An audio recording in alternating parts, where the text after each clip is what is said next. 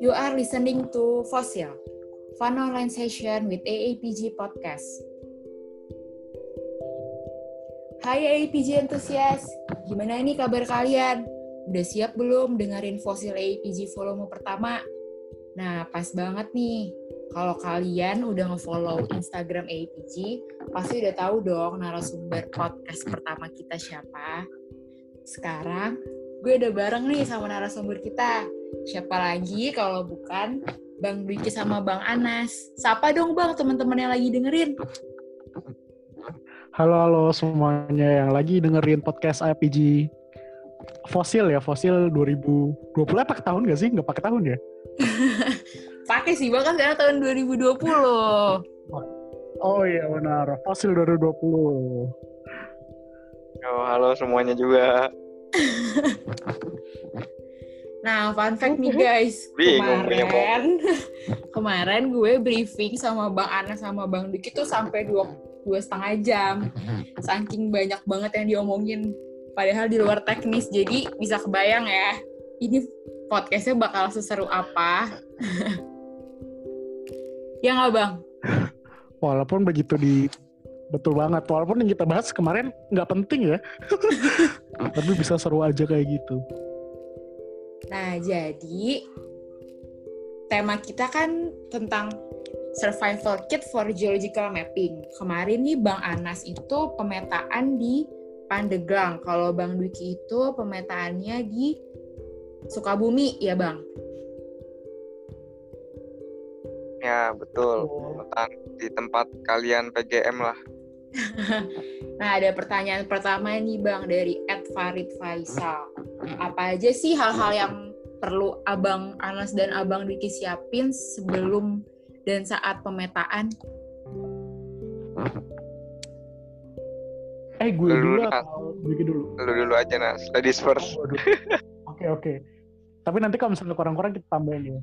Uh, persiapan apa aja yang perlu dilakukan kalau dari gua itu yang pertama kalau misalnya lo mapping itu kan pertama banget yang harus lo siapin tuh kan kesehatan kesehatan sama fisik lo tuh karena kan begitu lo mapping kan lo bener-bener ketemu uh, tantangan yang ada di lapangan kan yang di mana itu tuh bakal nguras banget tenaga hmm. lo fisik lo yang di mana kalau misalnya lo nggak lo nggak siap lo bisa berkemungkinan banget sakit sih kalau itu uh, itu yang pertama. Terus yang kedua kalau misalnya lo mapping kan itu butuh banget biaya ya. Uh, itu kayaknya itu tuh hal-hal kedua yang yang apa ya, yang krusial banget yang emang harus disiapin. Terus selain itu ada juga kayak perizinan dan sebagainya yang nanti uh, harus lo urus juga sebelum lo mapping. Terus uh, sebenarnya kalau misalnya lo mau mapping itu eh, ini lebih ke teknis atau non teknis ya? Coba kita ke teknis dulu kali ya. Ya, bebas sih bang. teknis sebenernya. itu se kemarin kemarin kalau misalnya dari pengalaman gue, kalau misalnya lo mapping itu ada satu persiapan yang namanya yang namanya itu lo harus belajar tentang geologi regional dekat dekat dekat daerah mapping lo yang di mana menurut gue kayaknya tuh banyak Penting yang ya? agak nggak peduli gitu loh kayak ya mungkin lo baca. Iya jadi jadi lo mungkin cuma skimming dan sebagainya yang di mana menurut gue itu penting banget. Lo uh, sepenting mahamin apa ya cuma peta geologi lembar daerah lo itu tuh itu udah seharusnya membuka wawasan lo kalau misalnya nanti lo bakal ketemu apa di lapangan. Karena itu penting banget ketika lo ngambil data di, lapangan biar nggak banyak yang nge-skip gitu. Dan biar lo nggak cuma bengong-bengong jalan-jalan aja di hutan gitu loh Hmm. Kalau ya? dari Bang Dwiki sendiri gimana nih Bang? Kalau gue sih pribadi nggak nggak jauh beda sama Anas paling bener paling penting banget itu ya budgeting sih karena kan kita nggak tahu ya di sana bakal kayak gimana gimana nya belum lagi dana tak terduga terus kayak kalau gue gue emang orangnya ya mirip-mirip sama Anas sih sebenarnya terkonsep banget bahkan gue sampai me, men, melis ya melis. Nanti gue butuh obat-obatan apa aja sih? Misalnya yang paling sering dipakai tuh kayak mungkin obat pusing obat demam atau obat obat merah atau segala macam jadi kayak ya kita udah udah prepare lah untuk melakukan hal itu. Terus terkait teknis benar banget nih ketika di lapangan lu tuh bukan lagi mau jalan-jalan gitu loh. Tapi kita mau mau namanya mencari data dan meneliti daerah tersebut. Jadi se sebaik sebaiknya dipersiapkan sebaik mungkin sebelum kita ke lapangan nanti biar nggak pelangap pelongo di sana kita mau ngapain di sana udah tau lah. Terus di sana kita bakal ngadepin medan yang kayak gimana itu juga bisa bisa ketahuan kan dari pembuatan peta konturnya segala macam sungainya kayak gimana. Kita bisa tahu nih uh, medan kita itu naik turun kah landai kah atau atau gimana. Jadi kita bisa mempersiapkan diri. Kurang lebih sih sama-sama aja kayak Anas. Gitu sih kalau pendapat dari gue ya Hmm. Sama mungkin ini sih uh, hal yang penting tuh ketika lo pergi pemetaan tuh lo harus nyiapin mindset kalau lo nggak lagi di Jabodetabek gitu. Jadi itu kan kalau non teknisnya gitu ya. Jadi lo harus mempersiapkan gimana caranya kalau misalnya ternyata lo nyampe sana tuh terus lo uh, bener sih apa kata Dwiki ternyata apotek susah terus lo nyari obat harus gimana jadi kan lo harus bawa sendiri terus bahan-bahan pangan juga kan nggak uh, semuanya daerah ada Alfamartnya yang di mana lu pasti bawa bahan mentah juga buat kalau misalnya lu masak ya kan? Ya nggak kayak kutek lah masa lo di sana lima uh, menit jalan ketemu warteg itu kan nggak nggak selalu kayak gitu, gitu susah sih. berarti ya bang ya kalau nyari-nyari warung oh, atau Alfamart. Nah berhub berhubung ngomongin soal bekal makanan ada pertanyaan nih dari Billy Zidan ada nggak sih bekal makanan khusus yang harus kalian berdua bawa kalau pas Waduh. pemetaan?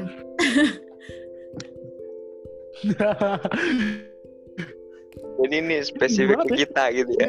Kita emang pengen wisata gitu ya. ya misalnya kan biasanya tapi, ada orang yang harus sih. bawa susu bear brand atau bawa makanan yang lain.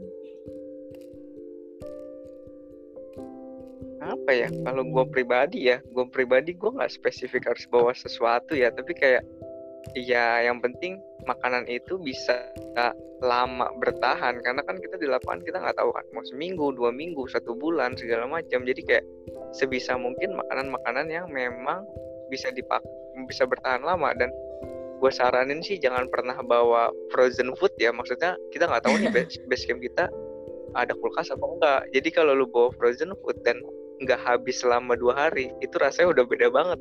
Namanya frozen food. Yang iya, seger sama yang udah atau nanti nugget beda tambahan jamur. Jadi kayak kalau gue pribadi nggak spesifik bawa apa. Tapi ya paling penting bawa uh, kayak mungkin makanan kaleng ya. Karena sedikit cerita di Sukabumi walaupun kita tahu Sukabumi pengen tempatnya enak kalau gue pribadi gue itu waktu itu sama bawa Arif Arif Rahman nah, mm-hmm.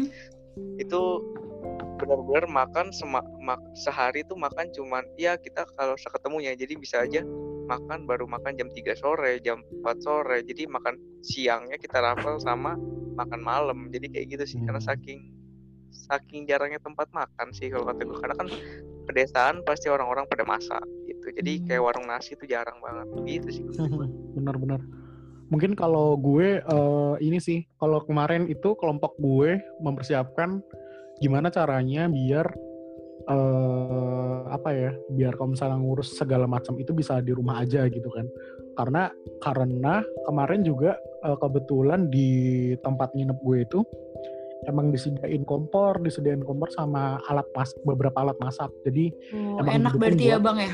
masak di Hmm, atau kalau misalnya emang gak disediain, gue ini sih me menyarankan bahwa juga nggak apa-apa sih kalau misalnya emang di sana eh, nggak uh, ada tempat yang di mana lo bisa beli secara gampang gitu makanan matangnya. Nah kalau kemarin gue tuh hmm. karena emang udah di set kayak gitu dan emang pengen gimana caranya gue pemetaan nggak nggak mahal-mahal banget, jadi gue nyiapin kayak beli beras, terus gue beli uh, tepung-tepung micin kayak sajiku dan sebagainya. Buat lo bikin ala-ala kalau gitu ya. Kalau anak micin ya lo berarti uh, dan ya ternyata bener anak micin banget. Bos sarden dan gitu-gitu. Dan itu ini sih uh, apa ya dan itu works gitu karena entah kenapa gue nggak tahu ya sistem orang jualan sayur pun kalau di kampung tuh gue nggak tahu sih ini contoh dari Pandeglang sama kampung gue jadi kalau misalnya di Pandeglang sama kampung gue itu tukang sayurnya itu nggak di tempat nggak di tempat satu rumah gitu. Kalau di Jakarta kan gitu ya lu mau di sayur terus ada satu rumah yang jualan sayur gitu kan. Nah, kalau di Hmm. sana tuh orang-orang jual sayur biasanya naik motor. Dan Hmm. lu susah gitu loh, kayak ini motor lewat mana kan? Lu nggak tahu tuh polanya dia kapan datang ke rumah lo gitu kan dan juga kadang kan lo pagi-pagi harus udah jalan ke lapangan jadi nggak ada waktu juga sih gua aja ketemu tukang sayur waktu itu pas lagi jalan di permetaan dan itu kayak wah ternyata ada tukang sayur gitu Oh. gitu sih jadi Eh, kadang bahan mentah juga susah didapetin kalau misalnya emang tergantung daerahnya ya gitu. berarti ya bang ya. Betul. Hmm, mak- makanya nanti pas lo survei awal sebelum lo naruh tas dan perlengkapan lo itu penting banget sih buat mahamin tempat tinggal lo kayak apa gitu. Ada nggak sih bang tips buat ngambil data Hmm. waktu mapping supaya hasilnya mantap dari Kalaras 2017? Aduh. Supaya hasilnya mantap. Eh siapa dulu nih? Gue dulu ya. Eh Boleh, ini sih boleh. mungkin balik lagi ke ini. Kalau gua kemarin, kalau gua kemarin, eh gua kan tadi benar-benar rekanin kalau misalnya gimana caranya lo eh, pelajarin banget daerah regional lo ya, terutama tuh kalau menurut gue tuh kayak geomorfologi gitu. Jadi misalnya kalau di peta lo lo bakal ketemu batuan apa nih? Terus kira-kira bakal ngebentuk bentukan alam yang kayak apa gitu kan. Nah itu berguna banget biar biar apa ya? Biar biar match gitu loh nanti. Begitu lo interpretasi di sini tuh seharusnya daerah apa karena kemarin gue agak miss tuh. Kalau misalnya eh, gimana ya karena itu kan kesalahan gue juga ya. Karena gue tuh kayak nyepelin gitu ah kayaknya kafling gue gampang.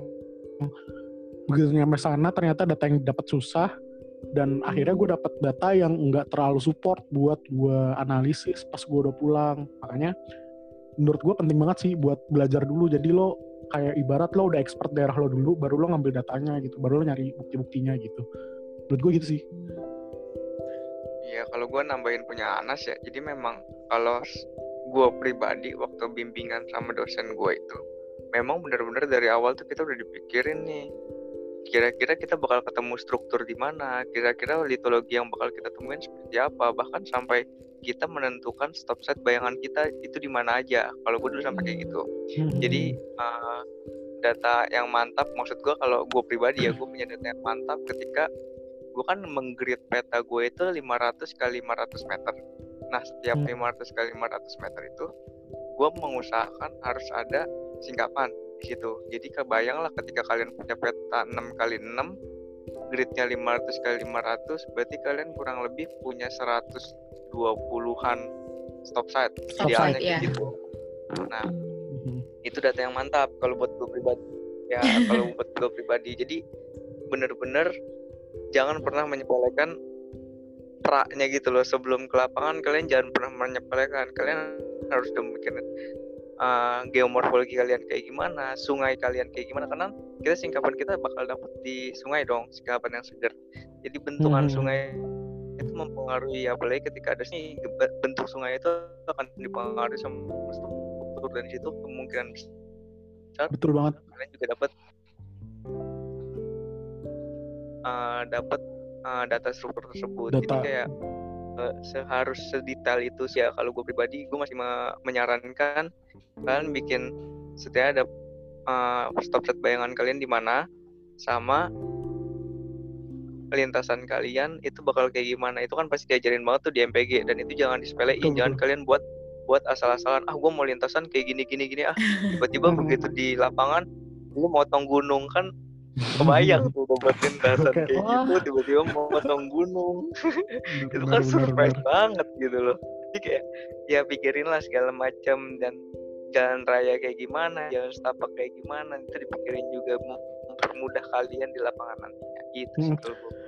Dan mungkin tambahannya ini sih, ketika lo well prepare buat sebelum lo ke lapangan, itu sangat membantu lo karena gue nggak tahu ya. eh, ini kan gua- dosen-dosen juga sering cerita, maksudnya kayaknya bukan pengalaman gue juga. Karena ketika lo di lapangan sometimes tuh misalnya lo pinter banget nih kadang ilmu lo bisa hilang aja gitu karena lo capek.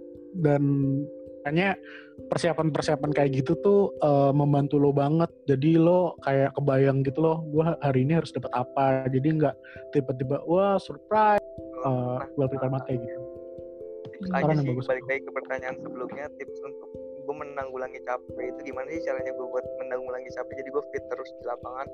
Jadi kan kita tahu ya kita perlu banget gula. Ketika kita capek kita perlu banget gula. Dan barang yang pasti gue bawa gue baru kepikiran nih barang yang pasti gue bawa adalah pertama itu madu madu sasetan kedua coki-coki. Jadi dua barang itu selalu ada di tas gue jadi kayak di mana pun gua ke lapangan apa pun atau sekedar kuliah lapangan itu pasti harus ada dua barang itu untuk wah benar-benar capek oke ya itu tiap hari tuh berarti dimakan ya bang? Sama ada ini sih.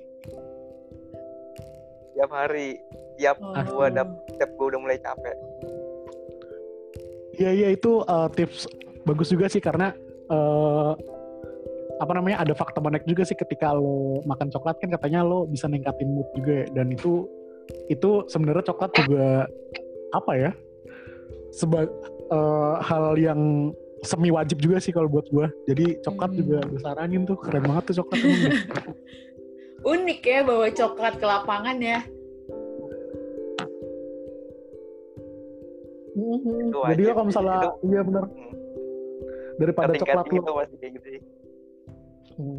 daripada lo kalau dikasih coklat dan nggak dimakan ya nggak Nah, berhubung tadi udah ngebahas gimana caranya dapat data yang mantap, ada nggak sih kendala yang sering abang-abang dapetin di lapangan? Nah, biasanya tuh kendalanya tuh apa aja sih, Bang? Kendala kendala kayak apa nih maksudnya nih? Kendala apa pun kendala kali ya? Iya, kendala dari segi apa pun kayak misalnya tiba-tiba jalannya berubah jadi apa di peta geologi regionalnya apa? Eh taunya kalau gue sih kemarin kendala banyak banget di iya jadi uh, persiapan juga maksudnya uh, kadang tuh ketika lo bikin peta misalkan lo ngambil data SHP gitu ya SHP jalan raya begitu lo plot dapat lo tuh jalan jalan raya dan jalan setapak. Dan kadang jalan setapak tuh nggak bisa lo 100% lo percaya kadang juga harus lo jadi sebelum lo berangkat ke ke lapangan. Lo kadang juga harus lo cek juga tuh di Google Earth maksudnya kalau misalnya jalan kan kelihatan tuh misalnya kayak lo antara pohon-pohon terus ada jalan yang terang gitu kan. Jadi kayak bukaan gitu kan oh ini jadi bisa lo validasi kalau misalnya itu jalan. Dan itu menurut gue penting banget karena gue punya pengalaman buruk di sana. Gue pernah kesasar gara-gara gue ngejalan gue ngikutin jalanan yang ada di SHP itu yang ternyata begitu udah sampai ujung jalan tersesat di tengah hutan dan bensin gue hampir habis dan itu itu parah banget sih. Terus Kayak gimana gitu tuh bang? Ya, kalau tambahan Tambah. dari gue, lanjut Anas. Hmm. Terus gimana ya ini sih itu bete juga sih karena udah udah gitu udah mau habis itu tuh kan jalannya yang kayak rumput-rumput tinggi-tinggi gitu udah gitu bensin mau habis udah mau maghrib udah itu gue nggak tahu tuh caranya yang penting gue ngegas sampai rumah gimana caranya tuh balik lagi Kalau Bang Wiki, ada nggak Bang kendala kalau yang mungkin, sering didapetin? Mungkin kalau tambahan ya tips aja ya, gue gue nambahin aja. Jadi memang jalan itu SHP itu kan tahun berapa ya tahun 2000 sekian lah belum diperbarui banget. Jadi hmm. uh, berhubung gue memang rajin bukan rajin sih rajin buat di lapangan lah ya sama pembimbing gue sama dosen pembimbing dari segala pembimbing. Jadi hmm. gue gue itu mensiasati kan kalau kita punya peta kita pasti bakal nge-import itu ke Avenza, bener nggak? Uh-uh. Itu udah Betul. pasti dong, itu rahasia umum. Dan Avenza gampang, itu, itu SAP kita yang dari awal dari Argis kan. Itu dia bakal ngikutin ngedetect GPS dengan uh, peta kita, peta kita awal. Nah, hmm. siasat gue adalah gue nggak cuma pakai Avenza, gue pakai namanya Google My Maps dan itu sangat terupdate banget. Itu kita nggak perlu pakai SAP lagi. Jadi ibaratnya itu Google Earth, cuman dia nggak pakai koneksi internet dia cuma pakai GPS position kita di mana. Dan itu bisa memfasil memvalidasi SHP kita. Jadi gue selalu memakai dua aplikasi itu My Maps dan juga Avenza. Jadi uh, itulah uh, aplikasi kan pasti ada kekurangan dan kelebihan dan mereka itu saling melengkapi kalau buat gue jadi si My Maps ini kita tinggal masukin SHP coupling coupling kita dan selanjutnya GPS bakal nge-track sendirinya juga sih jatuhnya gitu. Cuman uh, minusnya adalah di situ nggak bisa nggak bisa ngeplot stop set di ya, My Maps eh, bisa Jadi, bisa bisa cuman nggak nggak user interface-nya nggak sebagus Avenza hmm. begitu. Terus jadi emang buat kendala guide aja ya? Ya betul. Jadi guide tambahan lah. Terus kendala yang kedua gue pernah mapping. Jadi kan gue mapping itu Januari dan dipospon sampai jadi Januari gue mapping berhenti dulu karena udah mulai masuk kuliah gue lanjut lagi di bulan Juni atau Juli gue lupa habis itu hmm. ternyata yang paling bermasalah adalah di begitu gue nyampe sehari dua hari di pas bulan Juni ya sehari dua hari itu jalan masih ya udah enak aja gitu. begitu hari hmm. ketiga apa keempat gue lupa ternyata jembatan yang gue tadinya lewatin di hari satu dua roboh dong dan gue harus muter setidaknya ngabisin waktu satu jam sendiri atau 30 menit sampai satu jam lah untuk ke untuk balik lagi ke kafling yang memang gue belum belum lewatin atau belum gue telusuri. Jadi kayak ya kendala jalan kendala nyasar itu pasti ada sih. Itu sih kendala-kendala kita. Sama paling sama karena gue ya karena gua di Sukabumi ya medannya curang sungai segala macem gue pernah suatu ketika gue di sungai uh, terus samping-samping gue pasti dinding sungai dan ternyata begitu gue telusurin sungainya udah jauh tiba-tiba gue baru sadar kok ini dindingnya tinggi banget? Gimana cara gue naik dan balik lagi? Gitu kan. Mau gak mau gue mau balik dong karena ya itulah medan-medan yang Sukabumi yang bener-bener kayak iya lu di tengah-tengah parit dan lu nggak tahu harus ngapain. Jadi kayak mau makan waktu kayak gitu sih kendalanya paling ah, betul sama ini sih sama kendala yang paling diwaswasin itu ini gak sih kalau di mapping itu kalau lo nggak ketemu hewan buas lo ketemu hewan yang nggak kelihatan. Makanya penting oh, itu beda lagi ya konteksnya ya. Iya. Dan itu menurut gua apa ya itu penting banget sih karena dengan sesepele lo nanya warga pak kalau di daerah sini di dekat desa sini ada yang aneh-aneh nggak? Gitu biasanya kan mereka ketawa ya. oh iya iya, iya benar kalau misalnya mereka nggak ketawa ya mereka eh jangan deh ngapain ke sana? gitu kan. Tapi itu penting banget karena uh, pernah di hari hampir hari terakhir gitu gue kan bawa porter dan itu emang warga sana kan. Mm-hmm. uh, warga sananya tuh begitu ngikutin gue tuh agak takut gitu. Begitu gue tanya kenapa mas? Iya karena di sini tuh di sini tuh uh, apa namanya banyak banyak ular mas dan ini kan udah siang katanya kalau misalnya ular tuh kalau misalnya siang dia kepanasan di tanah terus dia mulai keluar gitu kan dari tanah dan bener aja dia kan uh, di depan tuh jalan di depan oh yaudah mas balik aja dia uh, jalan di depan dan dia ngeliat kobra gitu lagi ngebuka dan dia kaget gitu kan. Oh, beneran berarti dong. iya beneran beneran ketemu dan untungnya nggak diserang sih karena dia langsung mundur gitu. Hmm. Tapi untung aja nggak kenapa sih. Bahaya banget itu emang.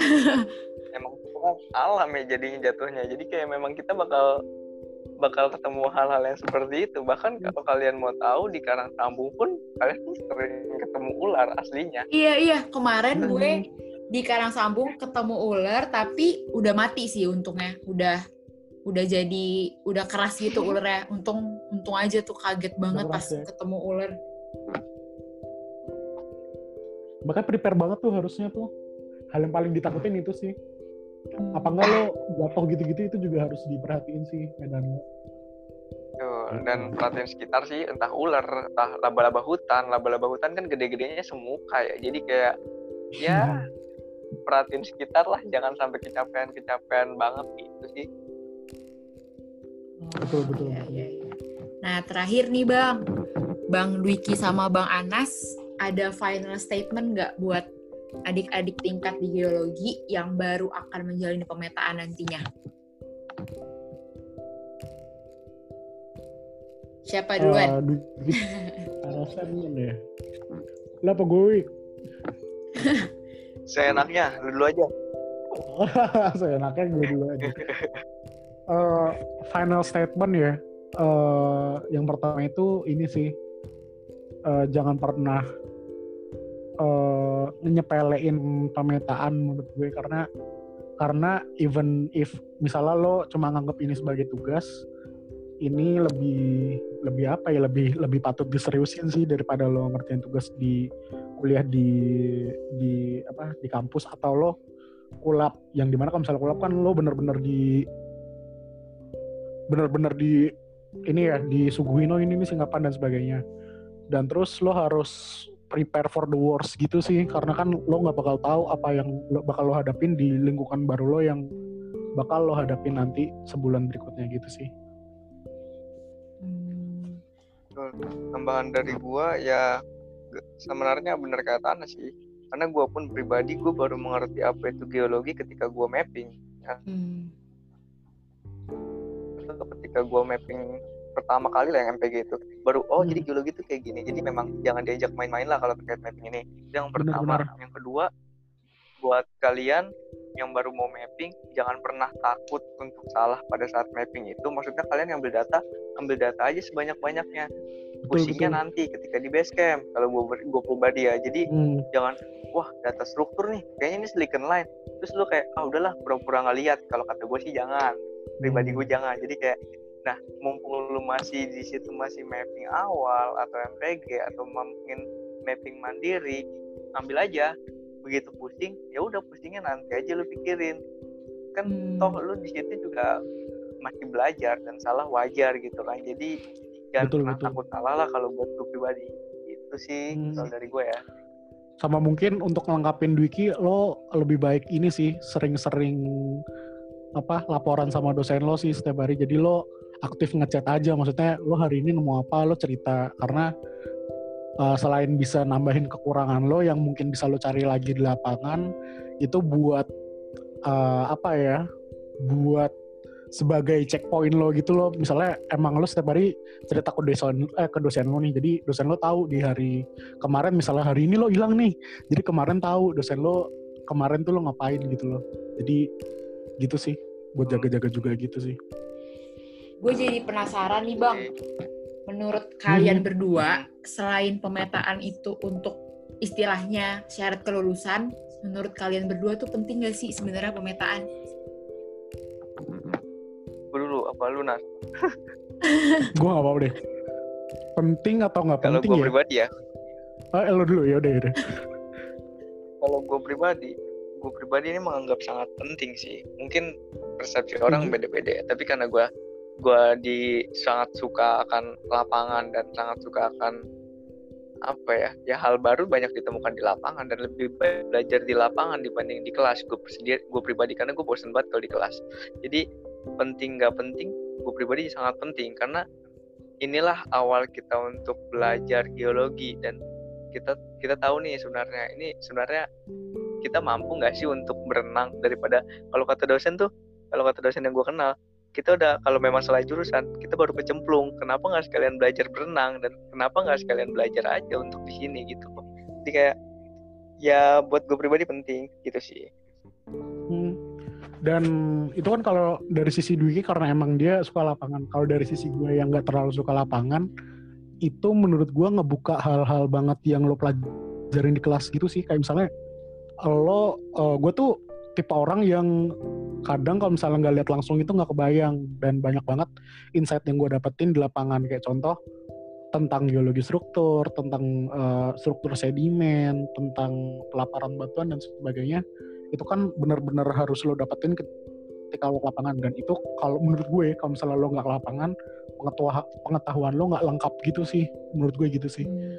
jadi kurang banyak, afdol banyak ya istilahnya ya bener-bener kayak pengetahuan lu nih belum diaktifin gitu loh. Iya gue kayak ngerasa kayak gitu deh. Itu sih. Kalau dari gue ini. Itu itu sih. Penting banget penting. Nikmati aja hmm. untuk lapangan ini. Betul betul. Oh gitu.